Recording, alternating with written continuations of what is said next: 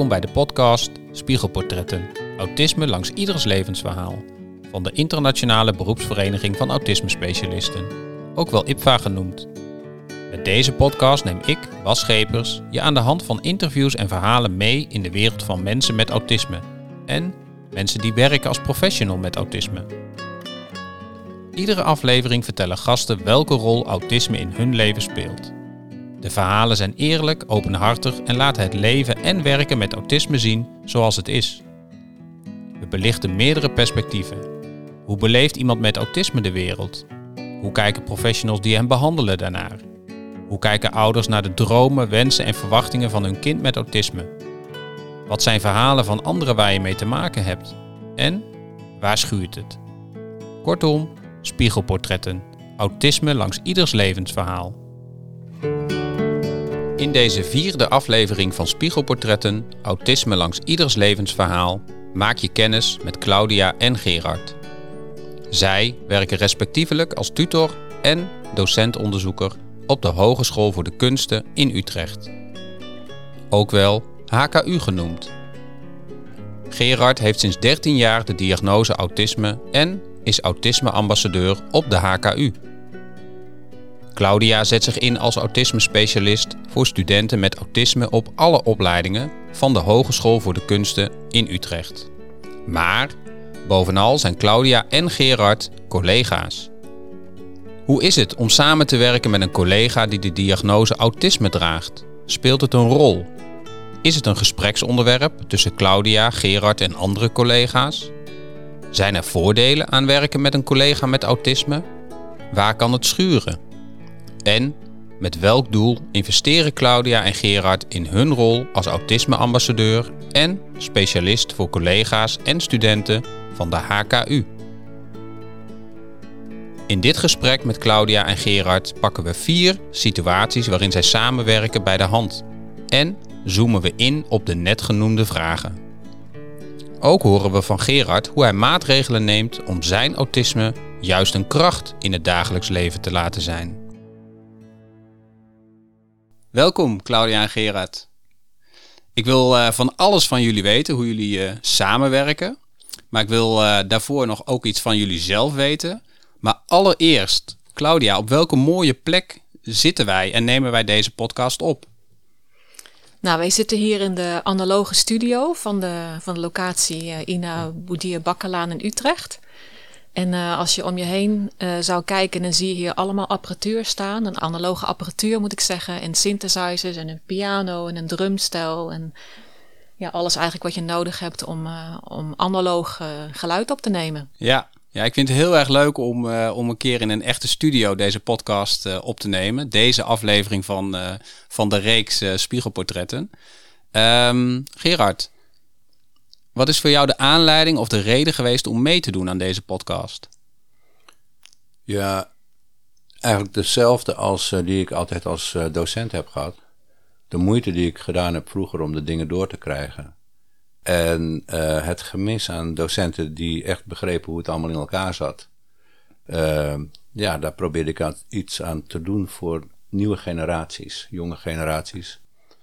En, um, en dan heb je het over autisme? Dan heb ik het over autisme, maar het is hetzelfde als, als het leraarschap. Want ik wil ook dat uh, jonge mensen gewoon gelijk al een soort voorbeeld kunnen hebben van dat het ook wel kan lukken in je leven. En dat je ook je geluk kan vinden met allerlei dingen, ondanks dat je tegen, tegen uh, ja, de meest gekke problemen oploopt. En Claudia, wanneer ben jij tevreden als je de podcast straks uh, mag terugluisteren? Um, ik denk als de luisteraars een beeld krijgen dat het uh, eigenlijk heel normaal en prettig en plezierig is om een collega met autisme te hebben. Nou, ik heb er alle vertrouwen in dat, uh, dat we dat doel samen gaan, uh, gaan bereiken. Um, en deze podcast, um, nou, daarin staat wel centraal het samenwerken als collega's. En in dit geval een collega met de diagnose autisme. Um, Claudia, hoe is dat voor jou om samen te werken met Gerard? Ja, uh, prettig eigenlijk al heel lang, sinds het begin. Ik werk nu um, ehm, 15 jaar samen met Gerard. En Gerard en ik hebben denk ik altijd een klik gehad. En um, En waar zat die klik in? Meer een gevoel. Ja. Dat je van elkaar weet waar je het over hebt.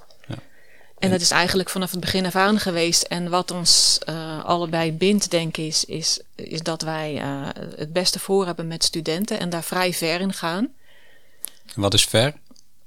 Um, ik denk dat wij iets harder strijden dan gemiddeld om, het, uh, om te zorgen dat er dingen geregeld worden voor studenten. En, en Gerard, kijk even naar jou. Heb je daar een voorbeeld van, wat Claudia beschrijft? Ik denk dat ik heel veel voorbeelden heb. maar in ieder geval, we schrijven studenten niet zomaar af op het moment dat je zegt van nou, die student heeft gewoon zijn studiepunten niet gehaald, dus die kunnen we wel een binnenstudieadvies geven of zoiets. Dat zit er helemaal niet in. Dat zijn precies ja, vanaf de andere kant. Ja. Van wat kunnen we voor die student betekenen om uh, misschien toch voor elkaar te krijgen. Ja, en, en die klik die Claudia ervaart, ervaar jij die ook? Ja, de, je, uh, en uh, ik denk dat die klik die kan je wel definiëren als gewoon de, zeg maar de bereidheid om uh, de volgende stap te nemen. Om te kijken of je nog iets kunt redden. waar anderen misschien die stap niet nemen. En dat herken je heel snel aan collega's. Ja, want als jij Claudia mag beschrijven als collega, um, wat zeg je dan? Nou, iemand die zeer dienstbaar is aan, aan haar eigen, laten we zeggen, overtuigingen. En en ook de dingen die wij uh, verwachten, dat heb je ook aan de voorbereidingen gezien. Ja. Uh, Claudia regelt het gewoon allemaal. Ja. En uh, die wil graag dat het hartstikke goed is. En um, ik denk dat dat, dat, dat gewoon heel diep bij haar in haar wezen is. Ja, want zoals Claudia de podcast heeft georganiseerd en voorbereid, dat zie je ook terug in haar werk voor studenten. Ja. ja. Ja, dat herken ik. En ja, mijn diepste drijfveer is denk ik dat ik zelf uit een gezin kom met een vader en twee broers die autisme hebben. En ik heb gezien waar het mis kan gaan. In die zin dat uh, mijn, mijn broers met name een ander leven zouden hebben, denk ik nu. En dan zeker ook een andere carrière. Als veel, in een veel eerder stadium was ontdekt dat ze autisme hadden en dat ze daar ja. ook in begeleid zouden zijn. Ja. Um, je maakt zelf inderdaad het bruggetje naar de rol die eventueel autisme speelt. Als je kijkt naar je werk, -hmm. welke rol speelt autisme dan in jouw dagelijkse werk hier op de HKU? Um, ik begeleid studenten, ja, alle studenten eigenlijk. Dus um, ook studenten met autisme. Maar de studenten met autisme, als die hier komen en um, zij willen gebruik maken van de voorzieningen die HKU biedt, dan, uh, dan bied ik extra begeleiding bij die studenten. Ja. En daarnaast hebben Gerard en ik een uh, initiatief opgestart. Waarbij we um, speciale bijeenkomsten organiseren voor studenten met autisme. En we zijn bezig om een studentenambassade uh, voor studenten met autisme op te zetten. En meer projecten waar we dus onlangs toestemming voor hebben gekregen om die, uh, om die in gang te zetten hier. Ik wil samen met jullie eigenlijk naar vier situaties die in jullie werk, uh, in jullie samenwerking uh, naar voren komen. Is uh, langslopen en is te kijken van hey, welke rol speelt samenwerken als collega's daarin. Ook maar welke rol speelt autisme daar wel of niet in. Um, en je noemde even zo van in mijn werk ben ik autisme specialist en ja, maak ik me hard voor studenten met autisme of de diagnose autisme.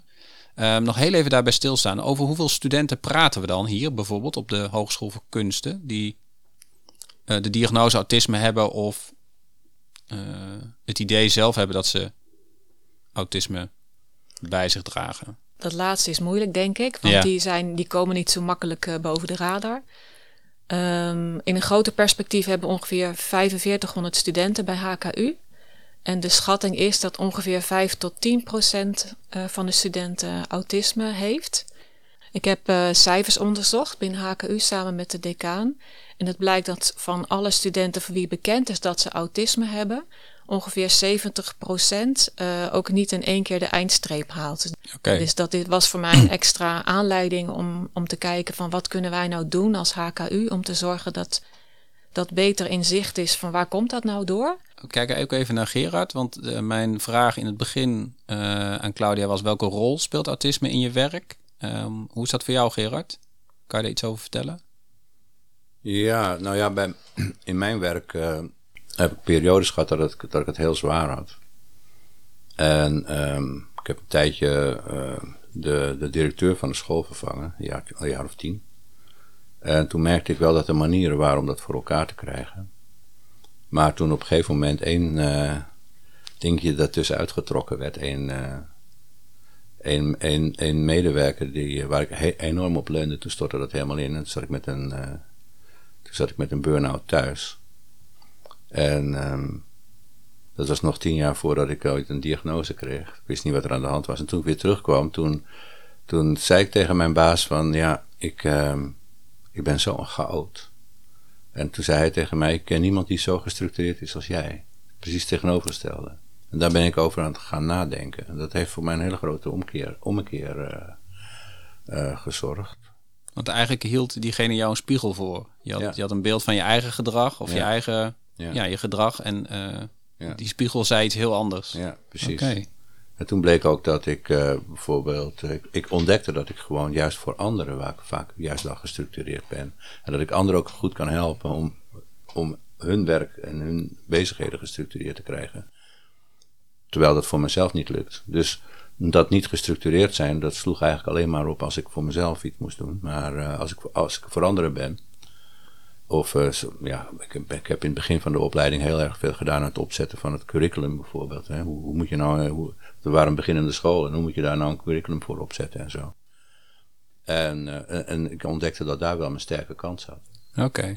En um, toen ik teruggekomen ben, toen... Uh, toen na de burn-out? Na die burn-out. Toen had ik een overzicht gemaakt van drie pagina's met al mijn taken. En toen, toen heb ik besproken welke taken ik dan niet meer ging doen. Ja, want drie pagina's aan taken vind ik sowieso niet weinig. Ja, precies. Nou, er waren ook veel mensen die, die ineens aan het werk waren toen ik met een burn-out thuis zat. Dat ik ineens dacht van, hé, hey, dat deed ik in mijn eentje. En uh, nu zit, zit er ineens een hele zwik uh, zitten dat te doen. Ja. Toen ik terugkwam, toen heb ik een heel aantal dingen afgestoten. En uh, pas tien jaar later kreeg ik dus een diagnose. Maar ik had dus wel mijn draai gevonden in die tijd al eigenlijk. Ja. En er werd ook wel naar me geluisterd. Dus wat dat betreft had ik die diagnose niet nodig. Nee, en nu, en ik maak even een sprongetje Gerard. Want nu ben je ook autisme-ambassadeur voor de HKU. Ja. Um, wat houdt dat in en waarom doe je dat? Dat doe ik omdat een collega aan deze hogeschool ooit zei dat, je, dat ze geen studenten aannemen met autisme omdat die geen les kunnen geven. En toen dacht ik, hoe kan dat nou? Ik heb jaren, ik heb zelfs in Amsterdam, uh, in Amsterdam voor de klas gestaan op uh, HAVO, VWO. En uh, ik begreep niet waarom je dan geen les kon geven. En toen dacht ik, ik ga gelijk tegen die collega vertellen dat ik, uh, dat ik zelf ook een diagnose heb. En ik begrijp niet waar die opmerking vandaan komt. Dat heeft allemaal met vooroordelen te maken. En ik heb zoveel vooroordelen gezien, ik zie ze nog steeds elke dag, over autisme. We zien eigenlijk alleen maar de, laten we zeggen, de dingen waarin autist, mens, uh, ja, autisten falen. En, um, maar het is juist van de laatste tijd dat er steeds meer uh, beeld is van uh, waar autisten juist goed in zijn. Ja, ik ben nog even benieuwd, hè? hoe reageerde die, die docent op jou? Oh, die zei gewoon niks meer. Die, die is aan het denken geslagen, denk ik. Oké. Maar toen dacht ik, ik moet nu uit de kast komen. En toen werd ik gevraagd door uh, Dierik Weven, die bij de Autisme-ambassade um, van, uh, vanuit Autisme bekeken, de stichting vanuit Autisme bekeken, uh, betrokken was. En die vroeg of ik geen zin had om die cursus te gaan doen voor het ambassadeurschap. Dus dat kwam mooi bij elkaar. Dus toen ben ik eerst naar het college van bestuur gestapt en zeg: Hebben jullie de behoefte aan een autisme-ambassadeur? Nou, het, het, verhaal uitgelegd. Toen zei ze, fantastisch, gaan we doen. Dus toen dacht ik, nou, ik, als ik mezelf nou bekend maak als autist, dan zijn we ook gelijk af van die collega's die iedereen die, ze, die ze niet aanstaat voor autist uitmaken. Dat, dat gebeurde hier ook nog wel eens binnen, binnen de school. Dan hoorde je nog wel eens een collega iets negatiefs zeggen en dan was iemand gelijk een autist. Oké. Okay. dacht ik, nou, dat gebeurt in ieder geval niet meer als ik erbij ben. Dat scheelt, dat scheelt al. Ja. Het is ook vanaf dat moment dat ik, uh, dat ik ambassadeur ben, is het ook nooit gebeurd dat ik dat nee. heb gehoord. Maar ik, ik, ik hoor je ook zeggen, alleen al het uitspreken van het, je noemt het zelf uit de kast komen van, hey, ik heb de diagnose autisme of ik ben autist, ik weet niet hoe je het hebt gezegd. Dat ja. uh, zorgt al wel voor een verandering. Ja. Ja. ja. Um, ik wil even naar, het, naar, de eerste situatie, of een eerste situatie waarin jullie uh, ook samenwerken. En die zeker ook te maken heb, heeft met de rol die jullie hebben. Uh, Claudia als autisme-specialist, Gerard als autisme-ambassadeur. Um, en dat is dat jullie bijeenkomsten organiseren voor studenten. Klopt dat, Claudia? Ja. Ja. Um, kun, je daar, kun je vertellen waarom jullie dat doen? En wat voor een soort bijeenkomsten dat dan zijn? Um, nou, Gerrit en ik hadden een paar jaar geleden het idee, we moeten eigenlijk iets doen voor studenten met autisme. Om um, ten eerste meer begrip te krijgen, voor, voor collega's ook, maar ook om Ja, vanuit het initiatief wat, uh, wat waar Gerard zelf ook bij betrokken is als vrijwilliger. En dat heet uh, Iets Drinken. En dat is een netwerkborrel waar mensen met autisme samenkomen. En daar worden heel veel uh, dagdagelijkse dingen besproken. En daar hebben mensen die daar komen altijd heel veel baat bij. Dus we hadden samen het idee, als wij nou oh, zoiets ook organiseren hier, dan brengen wij de studenten samen en dan kunnen ze ervaringen delen, kennis delen. En uh, daar zijn we mee begonnen om te kijken wat het effect was.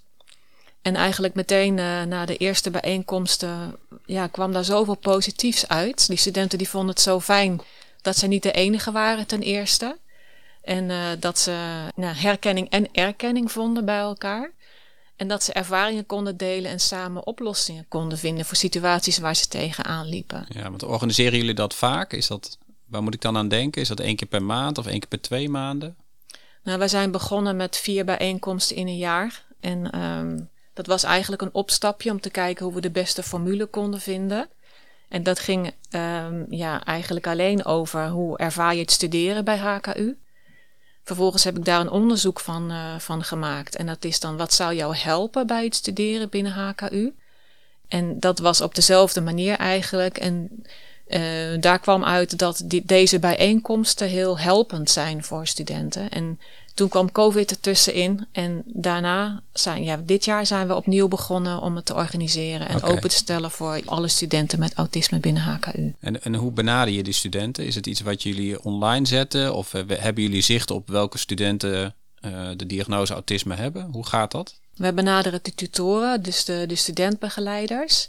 Uh, nou, we hebben een uitnodiging gemaakt, die hebben we gedeeld bij de tutoren met de vraag: willen jullie deze uitzetten bij studenten met ja. autisme? En vervolgens hebben die studenten met autisme mij weer gemaild van ik wil er graag bij zijn. Oké, okay, en ik ga even inzoomen op, op de samenwerking, want jullie doen dat samen, hè, die ja. bijeenkomsten. Um, Gerard, hoe bereiden jullie zo'n bijeenkomst voor met z'n tweeën? Nou, we hebben wel ontdekt dat de beste hulp uh, die je kunt hebben is van andere ervaringsdeskundigen. En ik denk dat het in meer situaties zo is dan alleen maar hier. Overigens noemen we dat iets eten, naar analogie van het iets drinken. En, en, we doen dat ook gewoon aan het eind van de, van de schooldag. Om in ieder geval half zes komen we bij elkaar, geloof ik, hè? half zes. Ja. En um, uh, ik ben ervan overtuigd dat juist de ervaringen van anderen uh, het, het meest helpen, omdat je bij een ander altijd uh, al gelijk de, de vertrouwen hebt. Hè? Het is iemand zoals jij. En uh, dat is heel, heel iets anders dan wanneer iemand uit een boekje iets vertelt over uh, wat voor therapieën er zijn uh, voor ja. mensen zoals jij. Maar betrek je dan ook studenten bij de voorbereiding en, en de inhoud van het programma? Of hoe moet ik dat zien? Ja, we hebben studenten vorig jaar al gelijk gevraagd wat ze belangrijk vinden. En op grond daarvan richten we het ook in. Ja. We hebben er nu wel iets aan toegevoegd. Hè. We hebben nu wel iedere keer een, iemand, uh, een ervaringsdeskundige, de bedoeling om een ervaringsdeskundige uit te nodigen die iets vertelt. En dan eventueel iets doet met, uh, met de aanwezige studenten. Maar het belangrijkste is gewoon uh, dat ze van elkaar juist leren hoe je bepaalde problemen die in de studie tegen, tegenkomt, hoe je die kunt oplossen. Ja, en, en, ik leg hem even op tafel. Hè. Maar uh, in het begin, Gerard, van de podcast zei je ook van... nou, Claudia is iemand die uh, goed organiseert, aandachtig organiseert... Uh, daarin ver gaat. Niet alleen voor studenten, maar als je ook kijkt... ik heb het zelf ervaren bij deze podcast. Hè. Um, is dat, hebben jullie diezelfde rollen ook bij de voorbereiding van zo'n bijeenkomst? Ben jij de organisatrice en jij misschien meer van de inhoud, Gerard? Of heb ik het dan... Nee, dat klopt. Niet goed. ja? ja. Oké. Okay.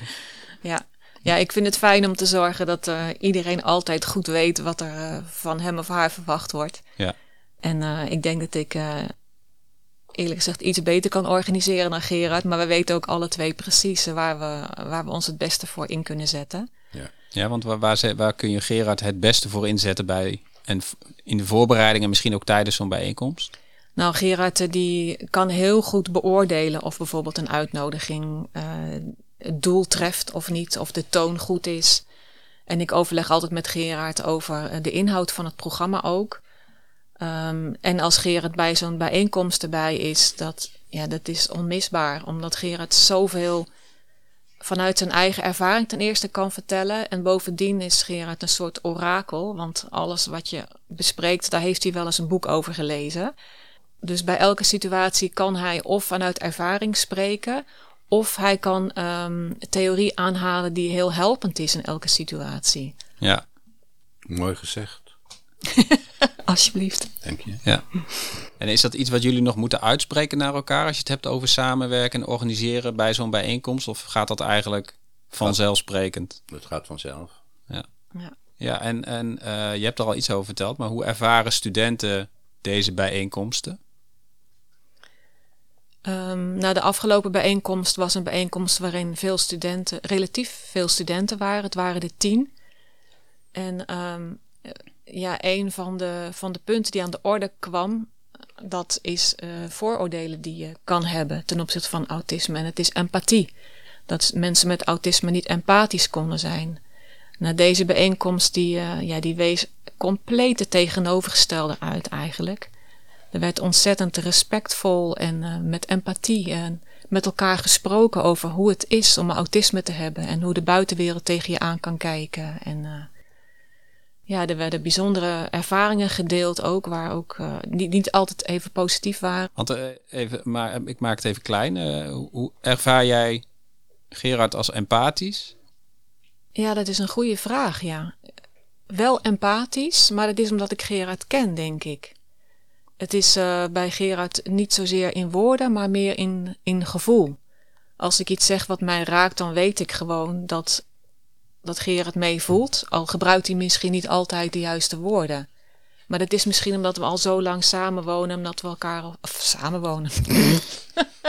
Dat knippen we eruit hoor. ja, juist niet. maar zo vertrouwd voelt het. Zo. Het voelt heel vertrouwd. Ja, ja nee, absoluut.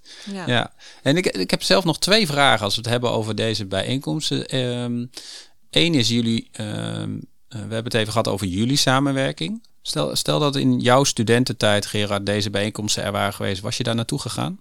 Uh, denk het niet, want ik wist niet dat ik autist was. Oké, okay, dat is echt wel, uh, ja. Maar in mijn studententijd is wel heel erg veel fout gegaan. En het was ook juist de laatste keer bij, dat, uh, bij, dat, uh, bij die bijeenkomst met die studenten. Dat ze dingen vertelden. En ineens ging, viel bij mij al die kwartjes over wat er allemaal is fout gegaan in mijn, in mijn opleiding, in mijn studie vroeger. Ja. Enorm. Heb je een voorbeeld van wat er fout is gegaan? Ja, nou bijvoorbeeld dat docenten niet duidelijk maakten van hoeveel tijd moet je besteden ergens aan. En ik, had geen, ik, ik, was niet een van die mensen. Ik heb een dochter die besteedde overal veel te veel tijd aan. Dus die was op een gegeven moment de uitputting nabij. Maar ik was iemand die dacht van als ik de avond ervoor eventjes alles doorkijk, dan weet ik het wel. Want zo ben ik ook. Ik heb, nog, ik heb eigenlijk nooit in mijn leven nooit gestudeerd of nooit huiswerk gemaakt. En uh, na een jaar uh, kreeg ik de wind van voren. Er zaten ineens uh, al mijn docenten naast elkaar aan, aan, een tafel. Die moest daar binnenkomen. Die hebben me helemaal verrot gescholden gewoon. En ik wist, ik wist nog niet waar het over ging. Nee. want want ze, ze konden nog steeds niet duidelijk maken wat ze van mij verwachten. En heeft, heeft dat achteraf, hè, die situatie, wat er dan gebeurt, heeft dat achteraf naar jouw idee te maken met het autisme wat je toen ook al had? Misschien wel, ja. ja. Misschien wel, want ik, heb, uh, uh, ik begrijp alleen dingen als die ook expliciet tegen mij verteld worden. Of als ik zeg, daarom lees ik ook erg veel, want daar staat het ook vaak expliciet opgeschreven. Ja, gewoon uh, zwart op wit. naar aanleiding daarvan kan ik heel veel dingen wel zelf bedenken. En kom ik er ook, kom ik ook wel vaak eruit. En als, ik kan zelfs zeggen dat ik daar op die manier ook mijn, mijn sterkste kanten ook verder heb ontwikkeld. Waardoor ik misschien wel veel sterker ben dan, dan anderen op sommige gebieden. Maar um, ja, er zijn dus dingetjes die blijven liggen. En dingen die blijven liggen, daarvan kun je nooit weten dat het dingen zijn die blijven liggen. Nee. nee dat is ook wetenschappelijk gewoon onmogelijk. Ja.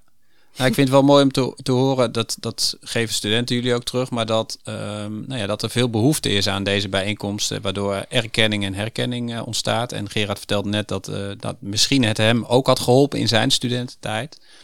Um, we hebben het nu net gehad over samenwerken en eigenlijk ook iets wat jullie zelf hebben geïnitieerd, waarbij je ook heel informeel met elkaar samenwerkt. Eigenlijk onuitgesproken al weet wat je uh, van elkaar mag verwachten. Uh, ik wil met jullie naar een andere situatie op het werk waarin, waarin je ook mag en moet samenwerken.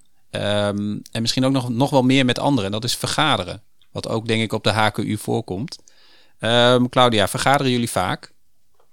Um, Gerard iets vaker dan ik, denk ik. Maar wij treffen elkaar uh, nou, sowieso bij afdelingsoverleggen. En dat is één keer per maand. En soms ook uh, bij overleggen tussendoor. En waar gaan die overleggen over? je hoeft geen details of zo hoor, maar... Uh... Neem, neem ons heel even mee. Waar gaan, waar gaan dat soort overleggen over? En hoeveel mensen zitten daarbij? Mm, ik denk doorgaans tien mensen ongeveer. En dat, gaat, ja, dat kan over alle onderwerpen gaan uh, waar onze uh, school van muziek en technologie mee te maken kan krijgen. Dus dat kan gaan over het curriculum. Uh, ook over nieuwe dingen. dingen die we. kijk, met corona natuurlijk was natuurlijk ontzettend veel dingen die praktisch georganiseerd moesten worden. Maar het, het, is vooral een praktische vergadering. Ja, want voor mij dan, hè, coronaperiode, is het dan zo dat jullie dan meer vergaderen? Of wordt er juist dan veel meer uh, in de wandelgangen en gewoon uh, door één of twee personen zelf besloten? Want er nee. moet natuurlijk soms heel snel gehandeld worden. Hè? Ja, bij corona hebben we heel intensief vergaderd. Hadden we okay. sowieso, ja, we hadden een appgroep waarin we elke keer de nieuwe situatie uh, bespraken met elkaar en weer nieuwe ja. voornemens maakten of beslissingen namen met, met elkaar.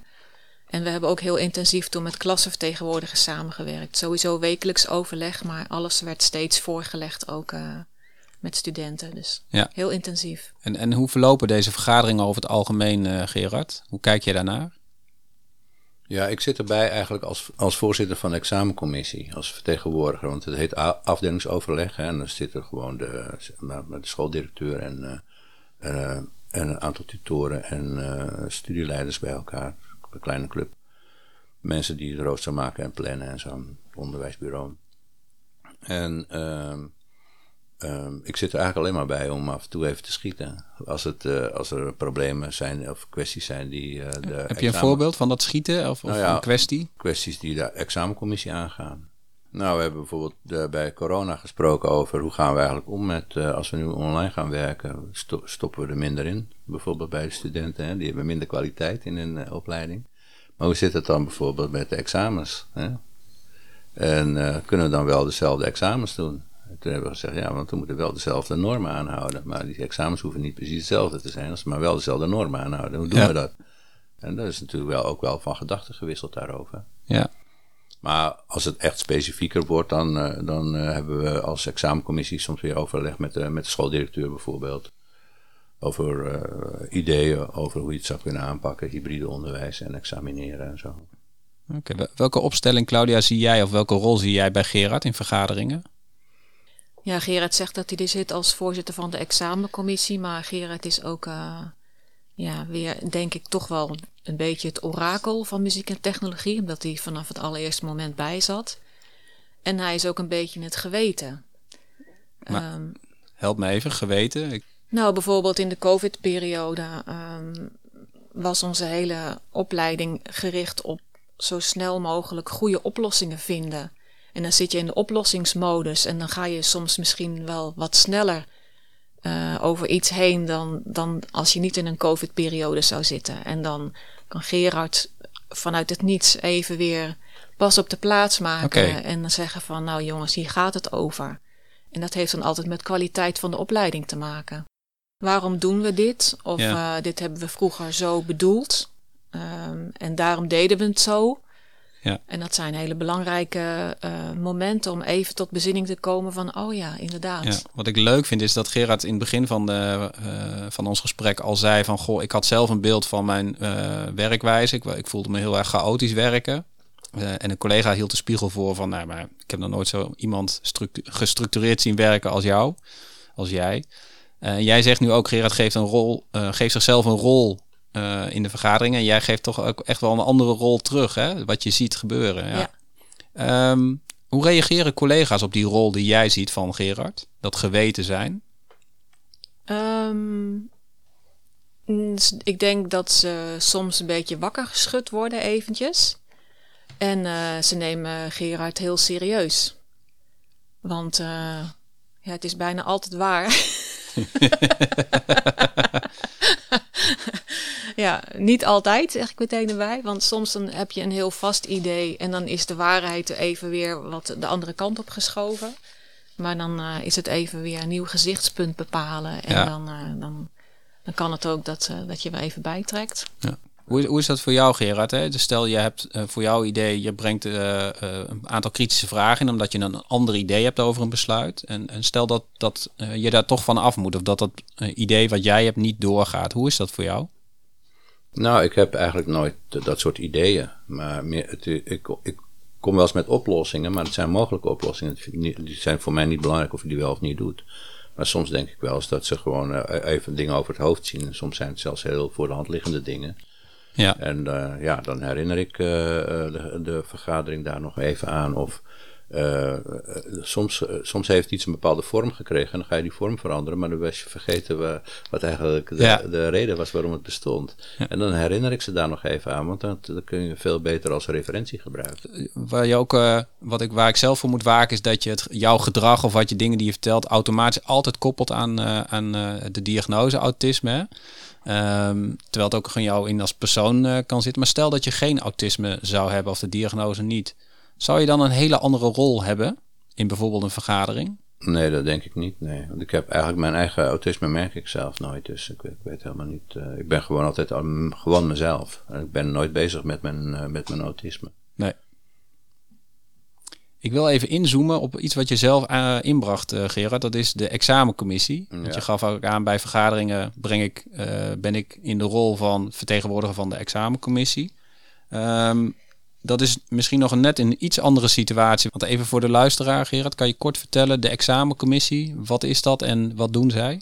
Nou, de examencommissie borgt de kwaliteit van alle examens. Hè, en in het bijzonder het eindexamen. Dus ze zorgt dat gewoon de kwaliteit daar altijd is. En, en, en van daaruit gaat het naar alle tentamens die er zijn, bijvoorbeeld. En zolang het goed gaat, heeft die eh, examencommissie niet zo ontzettend veel te doen. Maar je kunt ook denken dat zijn allerlei zaken als een student die bij nader inzien een andere opleiding wil gaan doen.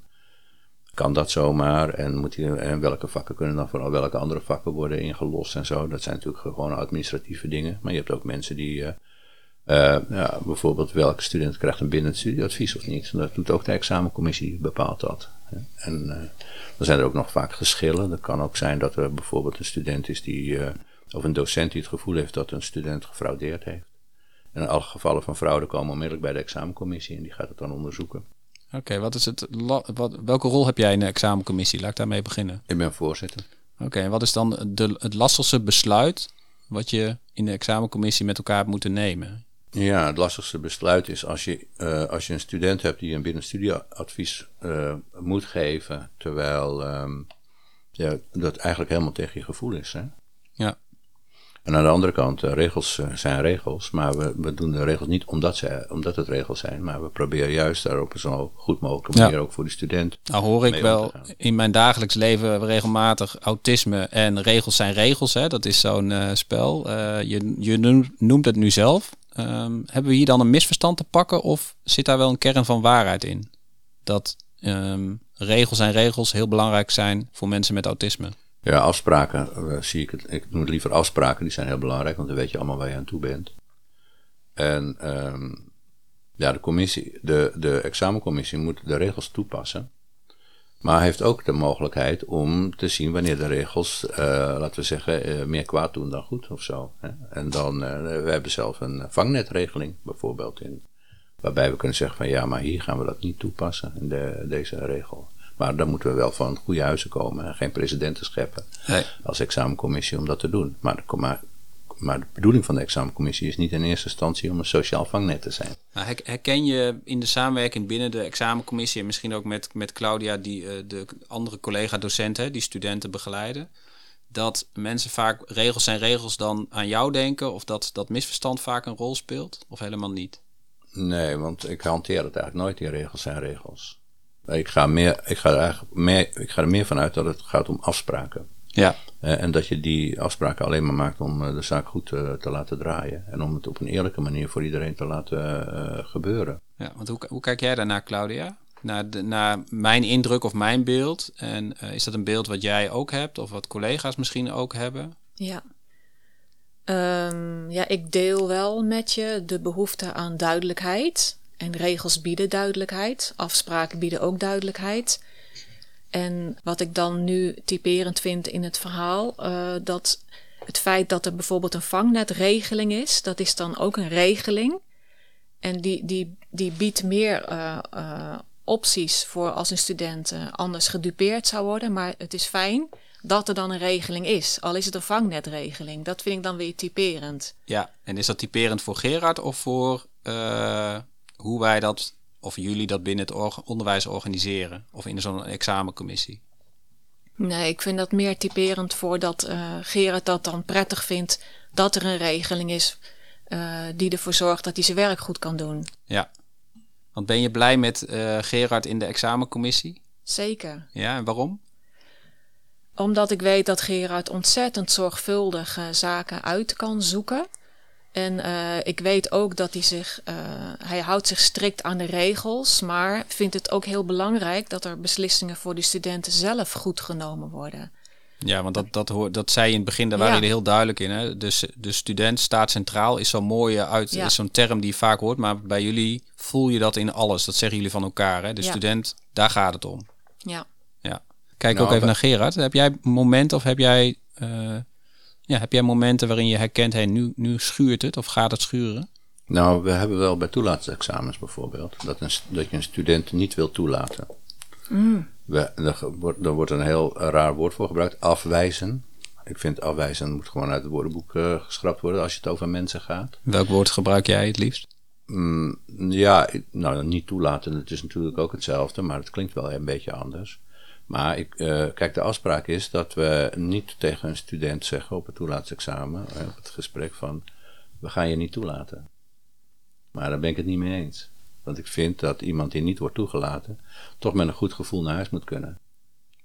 Empathisch, toch? Empathisch, Ja. absoluut. En eh, dat je dus tegen zo iemand moet vertellen waar wij naar op zoek zijn. En wat die persoon te bieden heeft. En dat dat op dit moment nog niet in orde is.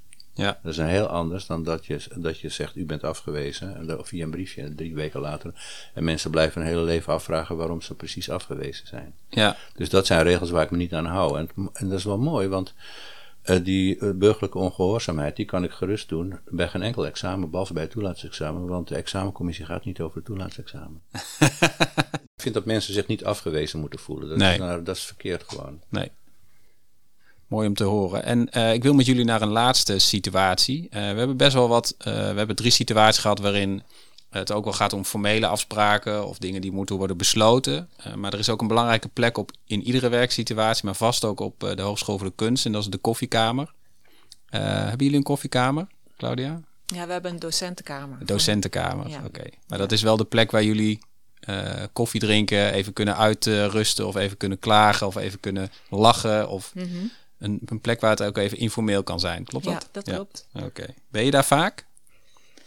Ehm, ja, dat is een beetje raar om dat nu te zeggen, omdat COVID er natuurlijk heel lang tussen heeft gezeten. Was je er vaak, laat ik ja, het zo was zeggen? je er vaak? Eh, ja, nou, ik denk twee keer in de week. Ja. Oké, en Gerard? Ja, we hebben een docentenwerkkamer en daar, eh, daar eh, zie ik de meeste collega's in en uitlopen. Ja. En, en, en hoe is de sfeer daar, in die docentenkamer?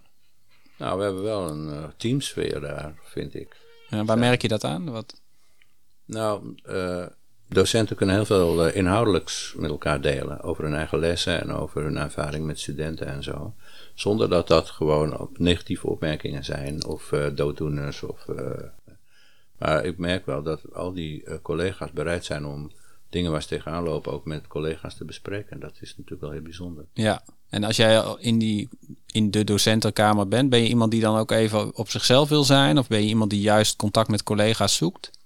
Ja, het maakt me niet zoveel uit. Kijk, soms heb je het druk en dan komen- komt de ene naar de andere eh, praat graag eh, collega binnen. Dat is niet zo fijn, maar dan kan je wel ergens anders terugtrekken. Ja.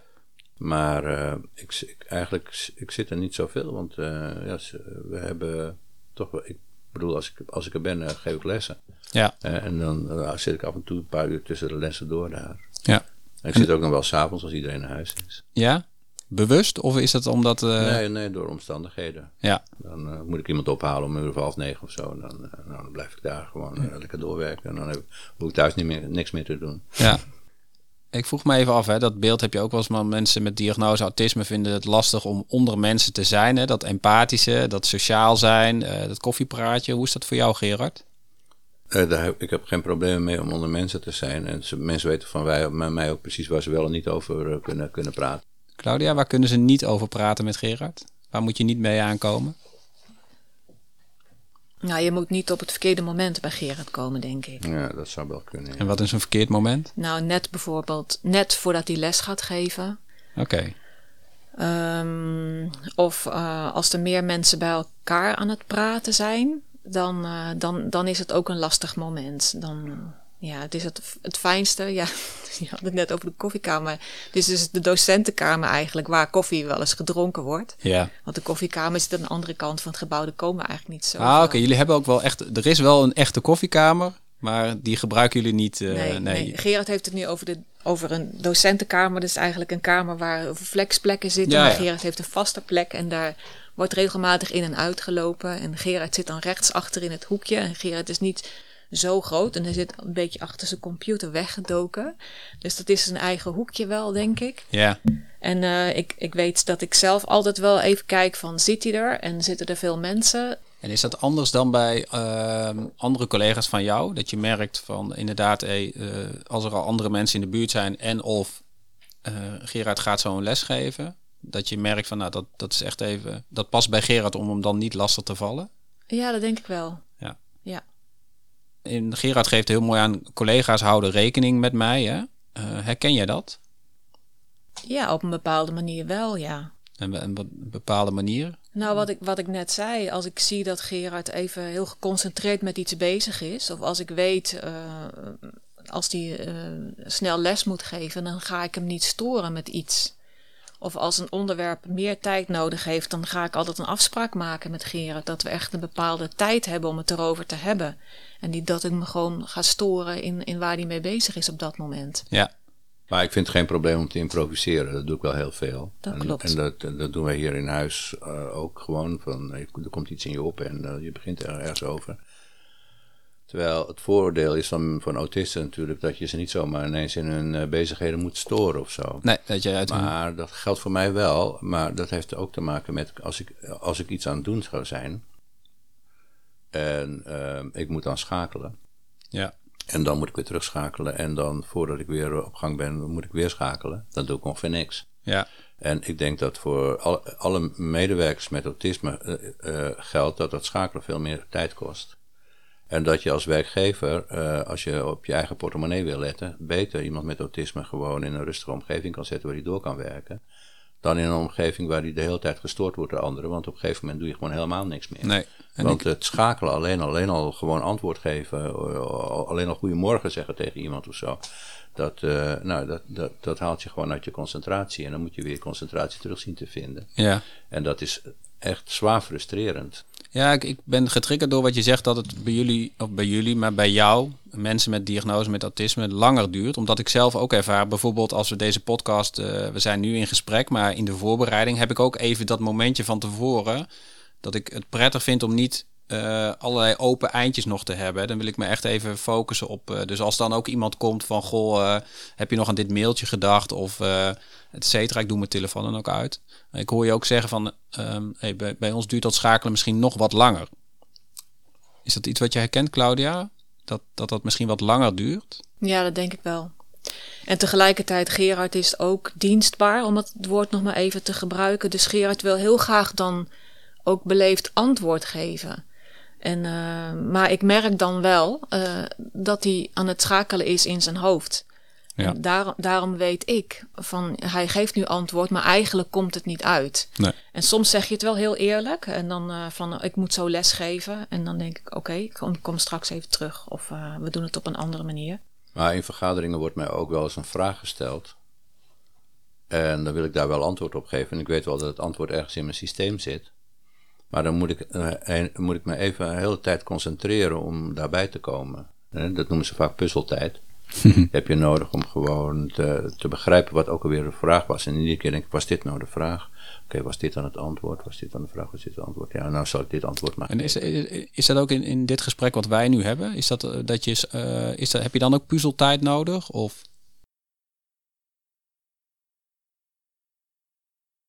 Is dit het antwoord? Nee, maar dat is echt een, grap, dit is een grapje natuurlijk. Dit is puzzeltijd. Dit is, ja. dit is puzzeltijd. puzzeltijd is, uh, ja, inderdaad. Dat, dat, hè? En dat, ja. zien, dat zien collega's ook wel aan mij. Als ze mij een vraag stellen, dan, ja. ik, dan moet ik gewoon... Nou, ik, ik, het, het, het triggert mij echt, en het staat los van deze podcast misschien mezelf, maar is het ook niet zo dat wij in een maatschappij nu leven waarin we verwachten dat iemand gelijk antwoord geeft, dat alles snel moet en dat met elkaar gewoon eens even puzzelen en een stilte laten vallen, dat dat ook eigenlijk niet meer eh, bij deze tijd hoort. Nee, Kijk. ik denk, denk, dat, denk dat het gewoon... eh, de meeste mensen hebben die tijd helemaal niet nodig. Die weten gewoon het antwoord. Oké, En je hersenen werken gewoon anders. Als ik een student tegenkom of een ex-student... Laatst waren de mensen die hebben 20 jaar geleden als student gehad. Dan weet ik gelijk hun naam. ja. Maar als ik dan eh, tien minuten later Claudia tegenkom en zeg... Weet je wie ik net zag? En dan weet ik zijn naam niet meer. Ja, Terwijl ik hem net heb aangesproken met zijn eigen naam. Dus mijn, en, en zo werkt mijn informatieverwerkend systeem toevallig. En dat, het is bij andere autisten totaal anders waarschijnlijk. Maar ehm, ja, en, en ik weet dat het zo werkt. Ik moet daar ook mee, mee zien om te gaan. Maar ik kan ook wel eens in mijn spontaniteit gewoon soms een, totaal het verkeerde eind hebben als me een vraag gesteld wordt. Dus dan ben ik ook altijd nogal op mijn kivive om te weten van, eh, wacht even, eh, wordt er nou dit bedoeld of wordt er nou dat bedoeld of ging het hierover of daarover? ja. Ik vroeg me even af, ehm, Gerard, er is, is best wel niet alleen bij autisme, maar bijvoorbeeld ook bij dyslexie, ADHD, dat er ook wel geluiden in de maatschappij zijn van, ja, weet je, eh, diagnose, hè, van eh, helpt dat nou, hè, dat we eh, meer diagnoses hebben in verhouding tot terug. Maar ehm, wat heeft de diagnose autisme 13 jaar geleden bij jou gesteld? Wat heeft dat jou gebracht? Rust. Veel minder stress. Ik weet waar ik aan toe ben. Ik weet waarom dingen zijn zoals ze zijn. Ik ben ook heel blij dat ik niet als, als jong kind al de diagnose heb gekregen. Dat heb ik net uh, vorige keer ook tegen die studenten gezegd.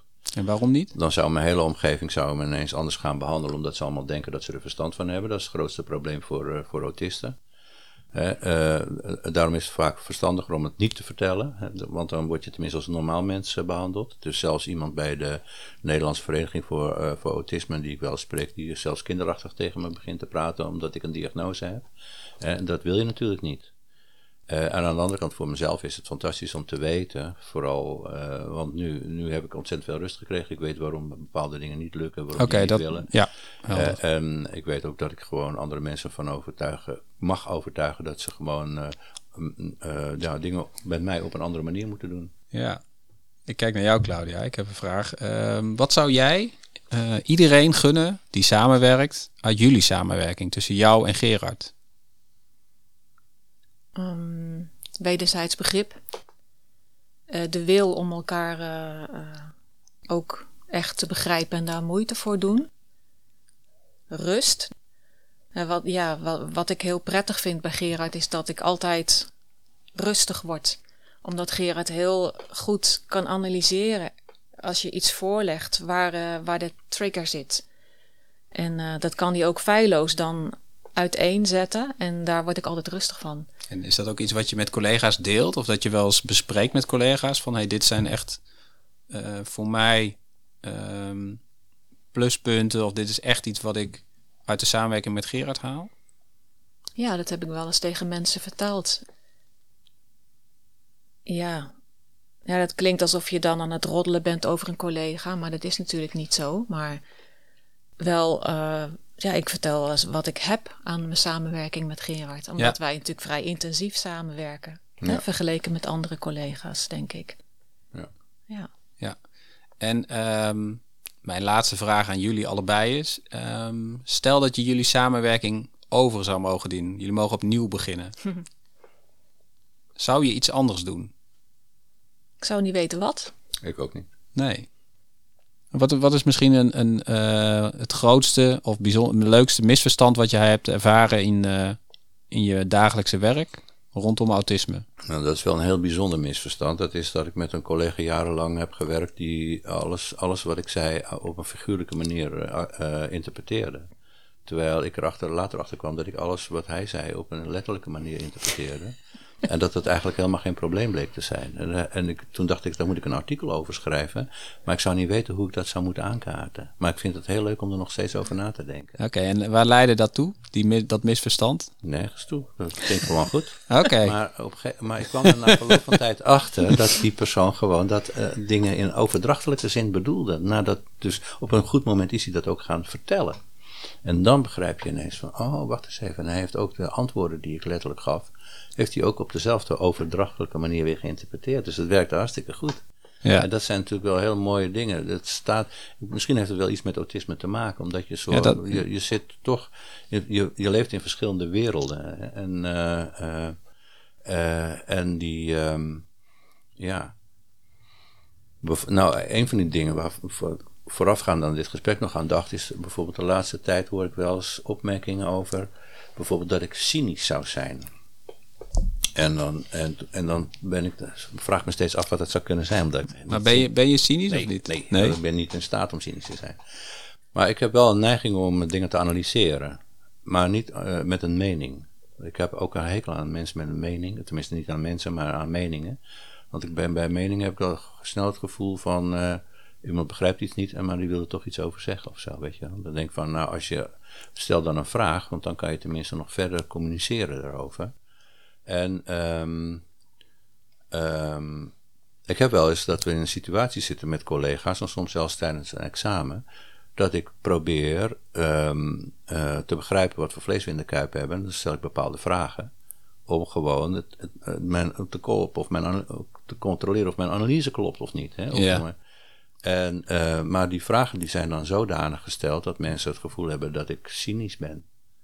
En dat, dat zijn natuurlijk wel heel rare dingen. Want eh, eh, ik heb ook een En wat gebeurt er dan bij die mensen? Bij de, degene aan wie jij de vraag stelt? nou, eh, er worden klachten over mij ingediend, bijvoorbeeld.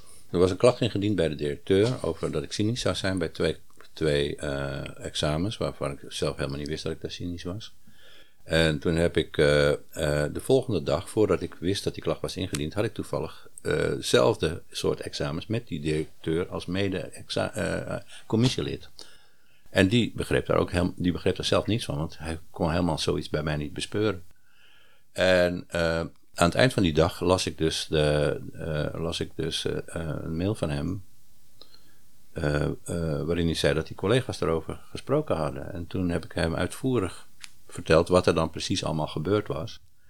En, en dat ik me afvroeg waarom mensen dat als cynisch vonden. Maar ik heb ook een, bijvoorbeeld een collega die, eh, als ik met hem praat, de hele tijd tegen mij zegt dat ik niet zo somber, niet zo somber Gerard. En dan denk ik van, maar wat was er dan somber? Want ik, ik, ik, ik, ik, ik zie mezelf helemaal niet als somber. Nee, ik ook niet. Ik ervaar je helemaal niet als eh, somber. dus, dus dat is, eh, laten we zeggen, eh, dat is een interpretatie die mensen in je gedrag leggen, blijkbaar. Ja. En ik denk dat het komt met het, door dat analytische, dat ik probeer dingen te begrijpen. En dat je dan af en toe zegt van dit zie ik en dat zie ik en dat zie ik. Maar dan heb ik niet een conclusie daarover. En die denken dat dat een conclusie is. Want we vertrokken bij humor, hè, de humor van Gerard. Is Ja. dat ook zo dat jij dan zelf wel de humor erin ziet? Eh, in die misverstanden. Dus iemand eh, interpreteert jou als cynisch of als somber. En dat je zelf ook denkt, ja, ik kan er wel om lachen dat iemand dat zo vindt. Nou, niet, nee, dat, dat niet. Maar Nee. wat ik wel heb, is dat ik die mensen al veel beter door. Ik ga steeds beter doorkrijgen. Ik weet hoe ze in elkaar zitten, want ze vertellen eigenlijk hoe ze werken. Ja. En hoe je ze dus moet benaderen. En ik denk dat ik wat dat betreft meer autistisch met mensen omga. Dat ik gewoon weet van, dit is de, zijn gebruiksaanwijzing, dat is zijn gebruiksaanwijzing. En, en daar hou ik nou rekening mee gewoon. Ja. Welke dingen je tegen mensen wel kunt zeggen en welke niet. En hoe, hoe kijk jij daarnaar, Claudia? Is dit ook wat jij de, bedoelde onder humor? Of zat je nog op een andere golflengte? Nee, dat is iets anders. Oké, kan je Nee, daar wat- over zeggen? Die misverstanden die, die denk ik eh, ontstaan vooral uit, eh, even opnieuw, die misverstanden die komen vooral voort denk ik uit de non-verbale communicatie van Gerard. Gerard heeft een beetje, je hebt een beetje een lage monotone stem. En als je dan ook vragen gaat stellen over een situatie, dan kan het zijn dat mensen die vragen opvatten als dat ze ter verantwoording worden geroepen. Ja. Terwijl Gerard gewoon wil weten hoe het zit. En is dat ook, hangt dat ook samen met die waarom-vraag die Ja. we eerder in het gesprek hadden? Ja, precies. Oké. Ja, de waarom-vraag is een hele gekke vraag eigenlijk eh, in onze taal. Dus de waarom-vraag, eh, jij vraagt omdat je echt wil weten hoe het zit. Maar eh, je kan ook waarom-vragen interpreteren als hoe bedoel je dat eigenlijk? En dat is, ja, als je, en als je dan de monotone stem en soms een beetje emotieloos gezicht erbij ziet, ik zeg het maar even zo, dan, dan heb je zoiets van, huh? Ja. word ik hier ter verantwoording geroepen? Ja, Dus daar, dat kan een misverstand opleveren. Maar de humor, dat zit er meer in dat je vanuit een hele onverwachte hoek opeens eh, een opmerking kan, kan maken. Waarbij je denkt van, huh? oh ja, ja. Tot slot, eh, zet jij humor bewust in? Nee, ja, ja en nee. Kijk, ik ben van nature een uitermate eh, eh, serieus persoon. Want ik ben heel erg geïnteresseerd in hoe dingen werkelijk in elkaar zitten. En eh, het is vaak heel moeilijk om met mensen een gesprek te hebben om daar te komen. Dus dan moet je er vaak een beetje omheen praten. En als kind werd ik, werd, kreeg ik heel vaak te horen van, wat ben je zagrijnig, wat kijk je zagrijnig. En dacht van, maar ik ben helemaal niet zagrijnig. Dat is hetzelfde natuurlijk als met die collega die niet zo somber. Ik denk, hoezo, ik ben niet helemaal, helemaal niet somber. En uh, ik had een stel ooms en uh, van mijn moeders kant. Mijn vader komt uit een hele chagrijnige familie. Uh, en was zelf ook altijd heel chagrijnig en had een extreem chagrijnige broer. En waar wij als kinderen een enorme hekel aan hadden eigenlijk. Maar mijn moeder die had ongelooflijk vrolijke, opgewekte, humoristische broers die altijd geintjes uithalen. Ik dacht, zo wil ik worden. Want ik wil niet aangezien worden voor iemand die... En ik denk dat ik gewoon mijn hele leven bezig ben geweest om overal de humor van te leren inzien. Okay. En uh, meestal deel ik het niet met mensen, want dan zijn we de hele tijd bezig met allemaal grapjes en zo. Ja. Maar soms schiet het er toch uit en dan maak ik zo'n opmerking uh, tijdens, een, uh, tijdens een vergadering of zo, tijdens ja. een les.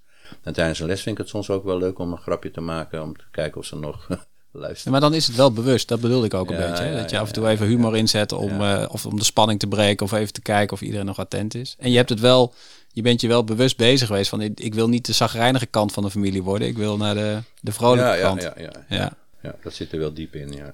Maar je hebt ook wel eens verteld dat je als kind ook humor inzette, omdat je dacht, daar kan ik meer mee bereiken. Ja, ja. Uh, kijk, het is ook zo dat, uh, ook bij vergaderingen en zo, ook bij lessen, het is, zolang je in charge bent, is er niks aan de hand bij een autist. Maar zodra iemand anders in charge is, wordt het voor jou gecompliceerd. Want dan gaan ze ineens rondponzoeren. Moet je dingen doen waarvan je niet begrijpt wat de bedoeling ervan is. En, en weet je niet waar je vrijheid zit. En of je zelf mag bepalen op welke manier het doet. Maar zolang je zelf in charge bent, is dat helemaal geen probleem. Dus dan neem je het initiatief. En je gaat dingen prikken. Je gaat dingen op een komische manier zeggen. En weet ik. Eigenlijk alleen maar om gewoon te zorgen dat jij. Uh, ja. Uh, en uh, soms kom ik ergens binnen. En dan, dan weet ik eigenlijk dat ik al, al van iedereen de, de aandacht opeis, zeg maar. Terwijl ik nog niks gezegd heb of zo. Ja, maar dat. dat, dat tot slot, hè, want dat zeg jij, Claudia, ook, hè, dat non-verbale. Is dat ook wel wat je dan herkent, inderdaad? Dat, jou, dat dan jouw non-verbale uitstraling inderdaad dat teweeg brengt? Ja. Er komt iemand binnen, zeg maar. Ja. Ja, ja dat vind ik ook. Mm. Op een goede manier. Er komt wel iemand binnen, toch? Ja, er komt zeker iemand binnen. Ja, Die heeft wat te vertellen. absoluut. jullie hebben zeker uh, veel aan mij verteld. Ik wil jullie heel erg bedanken. Alsjeblieft. Dank jullie wel. Dit was de vierde aflevering van Spiegelportretten. Autisme langs ieders levensverhaal. We hopen dat het verhaal van Claudia en Gerard je inspireert. Deze podcast is gemaakt door Ramiro Martina, Ilonka van der Sommen en Bas Schepers. In opdracht van de Internationale Beroepsvereniging van Autisme Specialisten. Wil je reageren op deze aflevering of heb je een vraag? Mail naar contact.ibva.info. Binnenkort weer een nieuwe aflevering van Spiegelportretten. Dat wordt een bijzondere aflevering.